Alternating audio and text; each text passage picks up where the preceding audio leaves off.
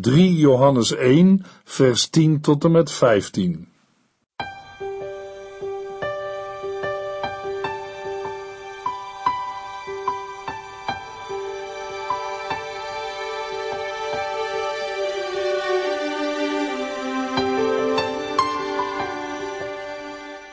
Hartelijk welkom bij De Bijbel Door.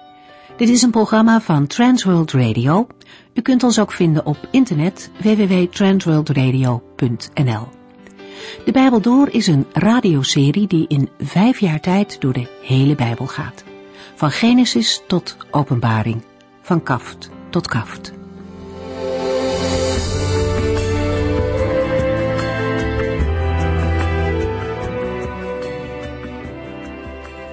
Vandaag lezen we de laatste verse uit de derde brief van Johannes en we kijken kort terug om de lijn van deze brief weer op te pakken en gaan vervolgens verder bij vers 10.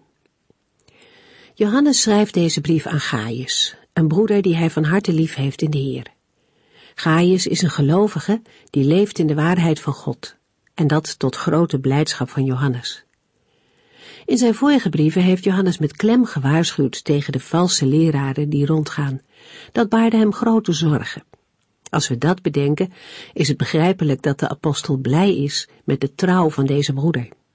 Gaius staat ook bekend om zijn liefde en gastvrijheid voor andere christenen. Rondreizende gelovigen vonden een warm welkom bij hem en kregen alle hulp die ze nodig hadden. Deze mensen waren op reis gegaan voor de Here. Ze waren gehoorzaam aan de roeping en gingen in het vertrouwen dat de Heere hen zou voorzien in wat ze nodig hadden. Gaius zette zijn huis voor hen open en hielp op die manier mee in het zendingswerk. Johannes omschrijft het als volgt. Wij zijn dus verschuldigd hen te ontvangen, opdat wij medewerkers worden van de waarheid. Niet alleen de christenen die erop uitgaan hebben een roeping, ook de thuisblijvers moeten doen wat ze kunnen doen. En zo werkt iedereen op zijn eigen plaats mee om het evangelie van Jezus Christus verder te brengen. Johannes gebruikt hier het woord verschuldigd zijn. Christenen zijn mensen die vrijgekocht zijn van hun zondeschuld. Die schuld is betaald.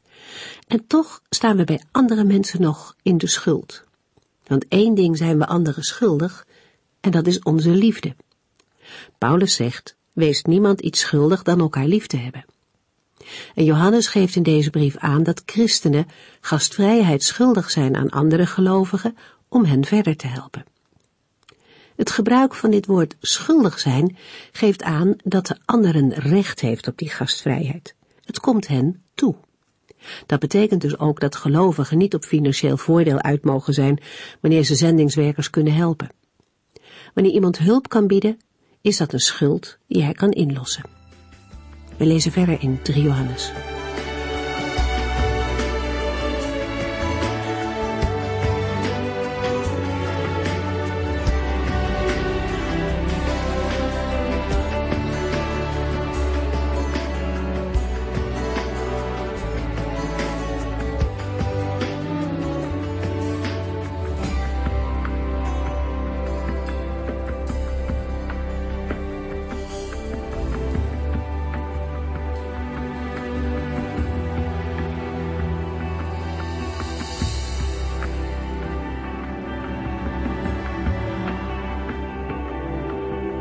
Het laatste vers dat we in de vorige uitzending hebben gelezen is 3 Johannes 1 vers 10, waar de apostel Johannes aan zijn vriend Gaius schrijft, Als ik kom, zal ik iedereen vertellen wat hij allemaal doet en welke lelijke praatjes hij over ons rondstrooit.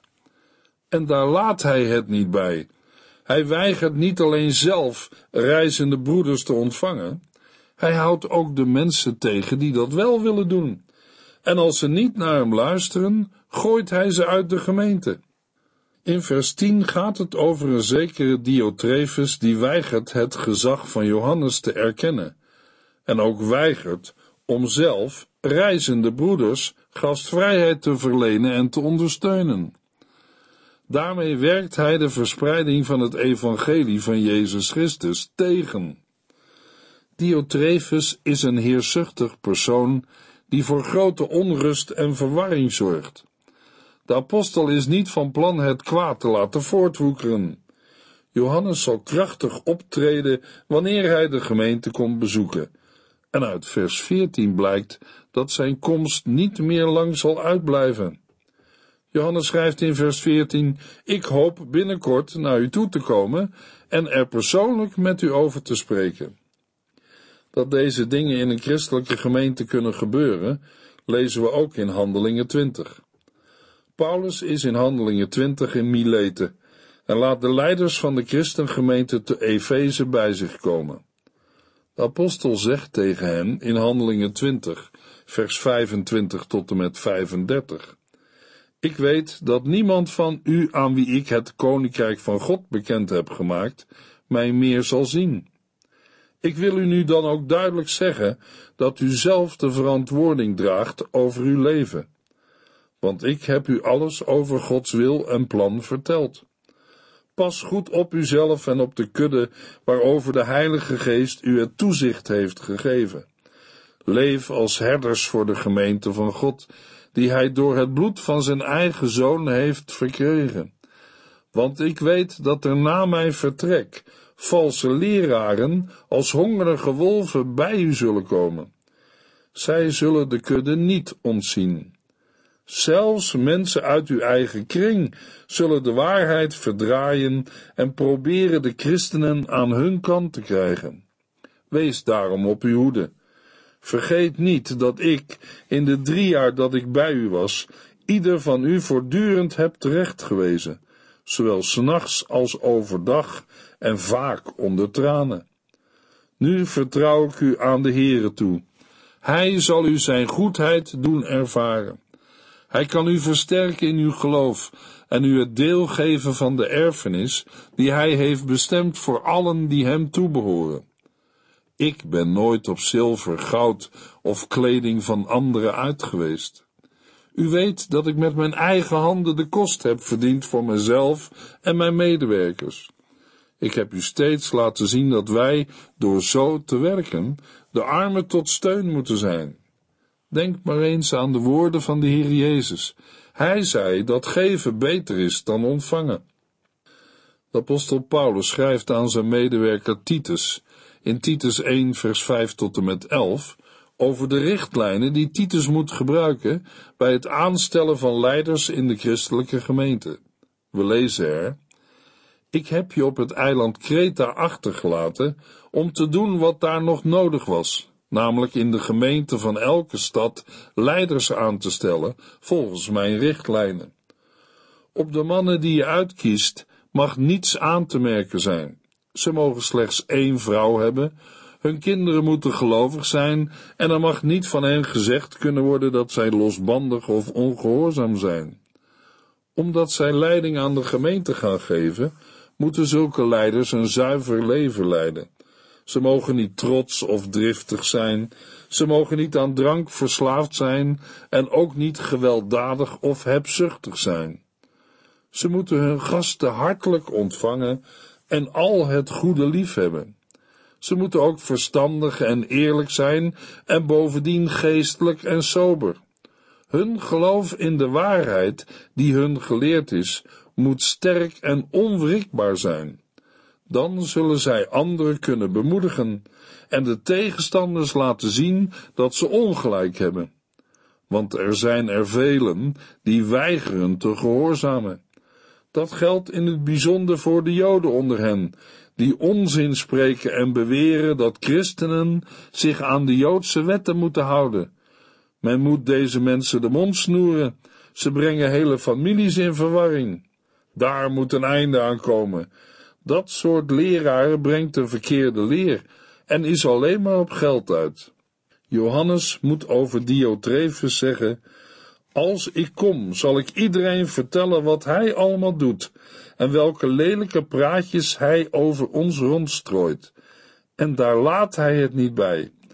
Hij weigert niet alleen zelf reizende broeders te ontvangen, hij houdt ook de mensen tegen die dat wel willen doen, en als ze niet naar hem luisteren, gooit hij ze uit de gemeente. Het gedrag van Diotrefus doet denken aan de slechte slaaf of knecht uit Matthäus 24. De heer Jezus zegt tegen zijn volgelingen in Matthäus 24, vers 45 tot en met 50. Wie van jullie gedraagt zich als een trouwe en verstandige knecht? Als iemand die ervoor zorgt dat alle anderen in het huis op tijd te eten krijgen. Het is goed dat een knecht bij de thuiskomst van zijn meester met zijn werk bezig is. Zo'n knecht krijgt het beheer over al zijn bezittingen. Maar als zo iemand slecht is en bij zichzelf zegt: Mijn meester komt nog lang niet terug, en hij begint de andere knechten te mishandelen en leeft er maar op los en bedringt zich, dan komt zijn meester op een moment dat hij hem helemaal niet verwacht. Dan zal die de slechte knecht laten folteren en naar de plaats van de huigelaars laten brengen. Daar is wroeging en verdriet. Mensen die de eerste willen zijn, moeten onder leiding van de Heilige Geest veel aan zelfonderzoek doen en diep in hun hart kijken om te voorkomen dat zij door hoogmoed worden geleid. Zelfonderzoek is voor iedere gelovige goed, want wie meent te staan, ziet toe dat hij of zij niet valt. In 1 Corinthians 10 vers 12 lezen we, als u denkt dat u nooit zo ver zult gaan, moet u oppassen om niet te zondigen. In 1 Corinthians 10 gaat het over Israël als waarschuwend voorbeeld voor ons. Wat Israël in de loop van de geschiedenis is overkomen, is een les voor ons. Paulus schrijft in 1 Corinthians 10 vers 6b, wij moeten niet naar slechte dingen verlangen zoals zij. Daarna geeft de apostel een aantal voorbeelden uit de geschiedenis van Israël, waaruit duidelijk wordt, pas daarvoor op. En in vers 11 en 12 lezen we, dat is allemaal met hen gebeurd om een voorbeeld te stellen. En het is opgeschreven als een waarschuwing voor ons, die in het einde van de tijd leven. Als u denkt dat u nooit zo ver zult gaan, moet u oppassen om niet te zondigen. Als gelovigen van hoogmoed vrij zijn, moeten zij toch leren onderscheiden wat de werkelijke drijfveer bij mensen als Diotrefus is. Dwars door allerlei vrome of godsdienstige redeneringen heen, wordt dan duidelijk wat de werkelijke grond van het spreken of handelen van bepaalde personen is. Een voorbeeld van zo'n situatie vinden we in Handelingen 8, waar Filippus in de stad Samaria vertelde dat Jezus de Christus is. We lezen in Handelingen 8, vers 6 tot en met 13.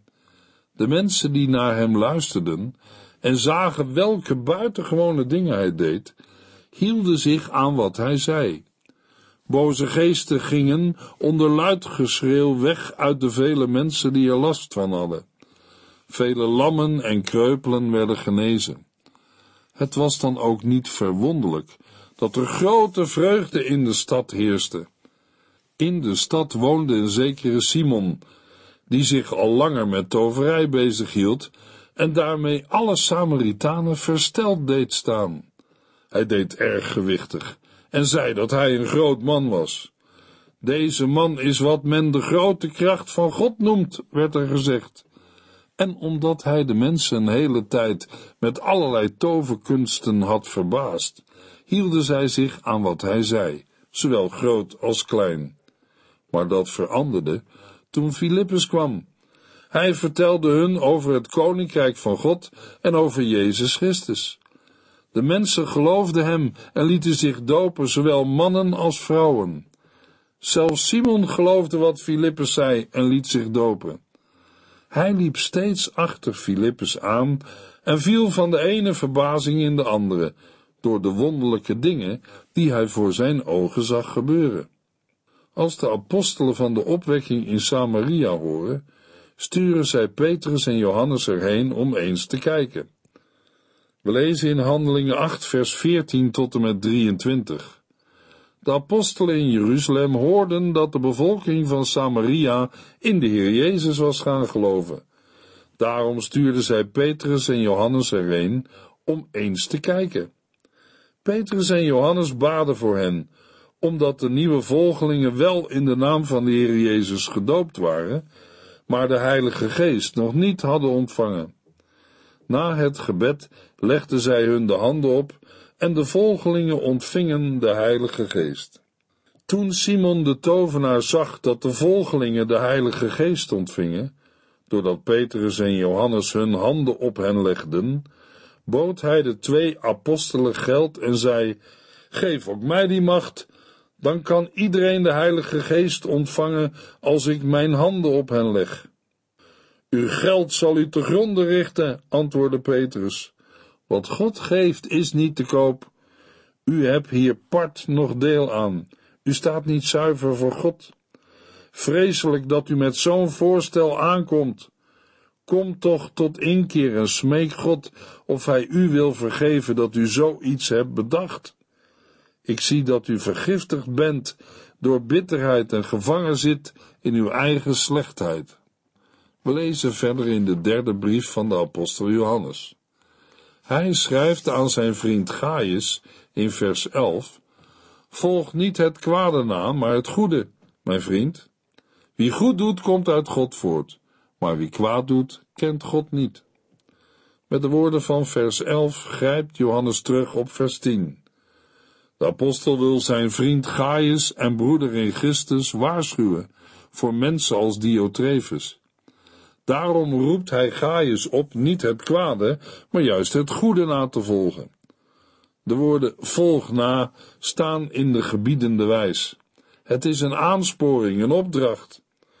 In het Nieuwe Testament wordt het doorgaans gebruikt voor het navolgen van personen. Ook de apostel Paulus stelde zichzelf vaak ten voorbeeld. In Hebreeën 6, vers 11 en 12 lezen we: Wij verlangen ernaar dat ieder van u tot het einde toe ijverig zal doorgaan, zodat het goede waarop u zo geduldig wacht, mag plaatsvinden. En ook dat u de moed niet laat zakken, maar het voorbeeld volgt van de mensen die door hun geloof en geduld ontvingen wat God hun had beloofd. Een paar hoofdstukken verder lezen we in Hebreeën 13, vers 7 tot en met 9. Vergeet de voorgangers niet, die u het woord van God hebben doorgegeven. Kijk eens hoe zij geleefd hebben en gestorven zijn. Vertrouw net zo op God als zij deden. Jezus Christus was, is en blijft voor altijd dezelfde. Laat u daarom niet meeslepen door allerlei vreemde ideeën. Voor onze geestelijke kracht zijn wij alleen afhankelijk van de genade van God en niet van allerlei regels voor eten en drinken. Want de mensen die op regels vertrouwden, hebben er niets aan gehad. Bij de voorbeelden die we lazen gaat het niet om de persoon zelf die nagevolgd moet worden, maar ten diepste om de navolging van Christus. Zo moest Gaius geen navolger worden van iemand die het kwade doet, met name Diotrefus, maar van iemand die het goede doet. Vers 12 geeft daar een voorbeeld van in de persoon van Demetrius. De motivatie van de woorden wie goed doet komt uit God voort vinden we in 1 Johannes 4 vers 4, waar we lezen Vrienden, u komt uit God voort en hebt zijn tegenstanders overwonnen, want hij die in u woont is machtiger dan hij die de wereld beheerst. Verder lezen we in 1 Johannes 4 vers 6 Omdat wij het eigendom van God zijn, zullen alleen de mensen die hem kennen naar ons luisteren en de anderen niet. Op die manier is het mogelijk om te onderscheiden of iets namens God gezegd wordt of niet, of het waarheid is of leugen. En in 1 Johannes 5 vers 19 schrijft Johannes, wij weten dat wij kinderen van God zijn en dat de hele wereld in de macht van de duivel is. Uitgebreider beschrijft Johannes het nog in 1 Johannes 2 vers 29 omdat wij weten dat God goed en rechtvaardig is, mogen wij terecht aannemen dat alle mensen die doen wat goed en rechtvaardig is, kinderen van God zijn. Want, schrijft Johannes in 1 Johannes 3 vers 9, wie uit God geboren is, zondigt niet, omdat de levenskracht van God in hem is. Hij kan niet doorgaan met zondigen, omdat God zijn vader is. In 1 Johannes 5 vers 18 vult de apostel nog aan met de woorden, wij weten dat ieder die een kind van God is, niet zondigt, want de Zoon van God beschermt hem, en de duivel kan hem niets doen. Ieder die het goede doet, vindt zijn oorsprong in God, want, zegt Paulus in Efeziërs 2 vers 10, God heeft ons één gemaakt met Jezus Christus, met de bedoeling dat wij het goede zouden doen, want dat heeft hij altijd al gewild. Maar als iemand het kwade, het verkeerde doet, en daarin volhardt, blijkt daaruit dat hij God niet gezien heeft, dat wil zeggen, hem niet werkelijk kent, en niet uit God is, maar bij de duivel hoort. 3 Johannes 1 vers 12 Iedereen spreekt goed van Demetrius, en dat is terecht. Wij kunnen ons daar van harte bij aansluiten, en u weet dat wij de waarheid spreken. Tegenover het slechte getuigenis van Diotrephes staat het goede getuigenis met betrekking tot Demetrius. Hij wordt zonder enige toevoeging geïntroduceerd en zal daarom bij de lezers bekend zijn geweest. Het is heel goed mogelijk dat hij degene is die deze brief heeft overgebracht naar Gaius, en mogelijk ook een van de rondreizende evangelisten is. In de gespannen gemeentesituatie was een aanbevelingsbrief van de leider van de gemeente van groot belang. De apostel geeft een drievoudige aanbeveling van Demetrius. 1. Iedere gelovige die Demetrius kende, spreekt goed over hem. 2. Ook de waarheid zelf bevestigde hem. Demetrius leefde zoals hij sprak en was. Persoon. Met andere woorden, als de waarheid kon spreken, zou zij positief van Demetrius getuigen. 3. Ook Johannes, de leider van de gemeente, kende hem als een betrouwbaar persoon. Hun getuigenis is niet eenmalig, maar werd voortdurend bevestigd en daardoor ook betrouwbaar en waar. Er is meer dan één getuigenis over Demetrius, en wij weten dat de Bijbel zegt dat in de mond van twee of drie getuigen elke zaak zal vaststaan. Demetrius is net zo'n man als Daniel, van wie zelfs zijn vijanden moesten getuigen dat er niets op hem viel aan te merken. Hij lijkt ook op Timotheus, van wie Paulus een uitstekend getuigenis geeft in Filippenzen 2 vers 20 tot en met 22, waar de apostel schrijft, er is niemand die zo met mij meevoelt als Timotheus. Niemand wie u wel en wee zo te harte gaat. Alle anderen schijnen alleen maar aan hun eigen zaken te denken en niet aan die van Jezus Christus. Maar u weet hoe waardevol Timotheus is. Hij heeft mij als een eigen zoon geholpen het goede nieuws bekend te maken. In 3 Johannes voegt de apostel aan zijn getuigenis over Demetrius de woorden toe: U weet dat wij de waarheid spreken. Op gelijksoortige wijze betuigt hij als schrijver van het evangelie naar Johannes de betrouwbaarheid van zijn getuigenis. We lezen in Johannes 19, vers 35. Johannes heeft dit met zijn eigen ogen gezien en zijn verklaring is betrouwbaar. Hij weet dat hij de waarheid spreekt en wil dat ook u gelooft. In de Bijbel vinden we de naam Demetrius in Handelingen 19, vers 24. In Handelingen 19 is de apostel Paulus in Efeze. Daar ontstond een grote opschudding over de persoon van Jezus. Het begon bij Demetrius, die zilveren tempeltjes maakte van de godin Artemis. Het bezorgde veel zilversmeden in Efeze werk, maar door de verkondiging van het evangelie kwam hun werkgelegenheid in het gedrang. Want zij die tot geloof kwamen, kochten geen zilveren tempeltjes meer van Artemis. Demetrius begon een oproer tegen Paulus. Maar voor de opvatting dat wij in 3 Johannes met dezelfde Demetrius te maken hebben, ontbreekt ieder bewijs. Er zijn nog meer speculaties, maar die vallen helaas in de categorie de wens is de moeder van de gedachte. 3 Johannes 1 vers 13 en 14 Ik heb u nog veel meer te zeggen, maar ik wil dat niet per brief doen. Ik hoop binnenkort naar u toe te komen en er persoonlijk met u over te spreken. Johannes gaat zijn brief aan Gaius afronden. Net als aan het slot van de tweede brief zegt hij dat er nog heel wat op te schrijven zou zijn, maar dat hij dat liever niet per brief doet.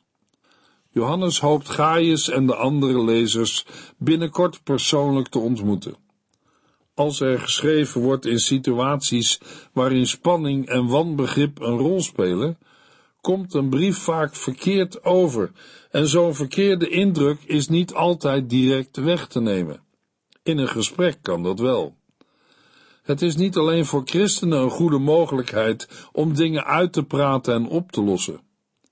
Met betrekking tot het slot van de tweede Johannesbrief zijn er kleine verschillen in de grammatica en woordkeus, maar inhoudelijk stemmen de versen overeen. In 2 Johannes wordt er alleen aan toegevoegd, dan zal onze vreugde compleet zijn. 3 Johannes 1 vers 15 Ik wens u het allerbeste. U moet de groeten hebben van de vrienden hier. Breng alle vrienden daar persoonlijk mijn groeten over. De tekst van vers 15 is in het Grieks als volgt. Vrede, zei u. De vrienden groeten u. Groet de vrienden met name. Het gaat in dit laatste vers om een gebed om vrede voor Gaius. Natuurlijk is dat gelijk aan de woorden: Ik wens u het allerbeste. Maar de letterlijke Griekse vertaling zet ons op het spoor van de vredegroet. Een brief werd in de oudheid meestal afgesloten met een wens. In niet-christelijke brieven werd vaak de uitdrukking wees sterk gebruikt. De christelijke groet is vrede, zei u. De vredegroet gaat terug op het Hebreeuwse shalom, maar heeft door de Heer Jezus een nieuwe invulling gekregen. Gaius had die vrede nodig in de moeilijke situatie waarin de christelijke gemeente verkeerde met een man als Diotrefus. De bedoelde vrienden zijn, in tegenstelling tot Diotrefus, zij die leven in overeenstemming met de waarheid, zoals de apostel Johannes en de gelovigen rondom hem. Hiermee is de bespreking van 3 Johannes afgesloten. In de volgende uitzendingen lezen we drie Bijbelboeken uit het Oude Testament, namelijk Nahum, Habakkuk en Sefania.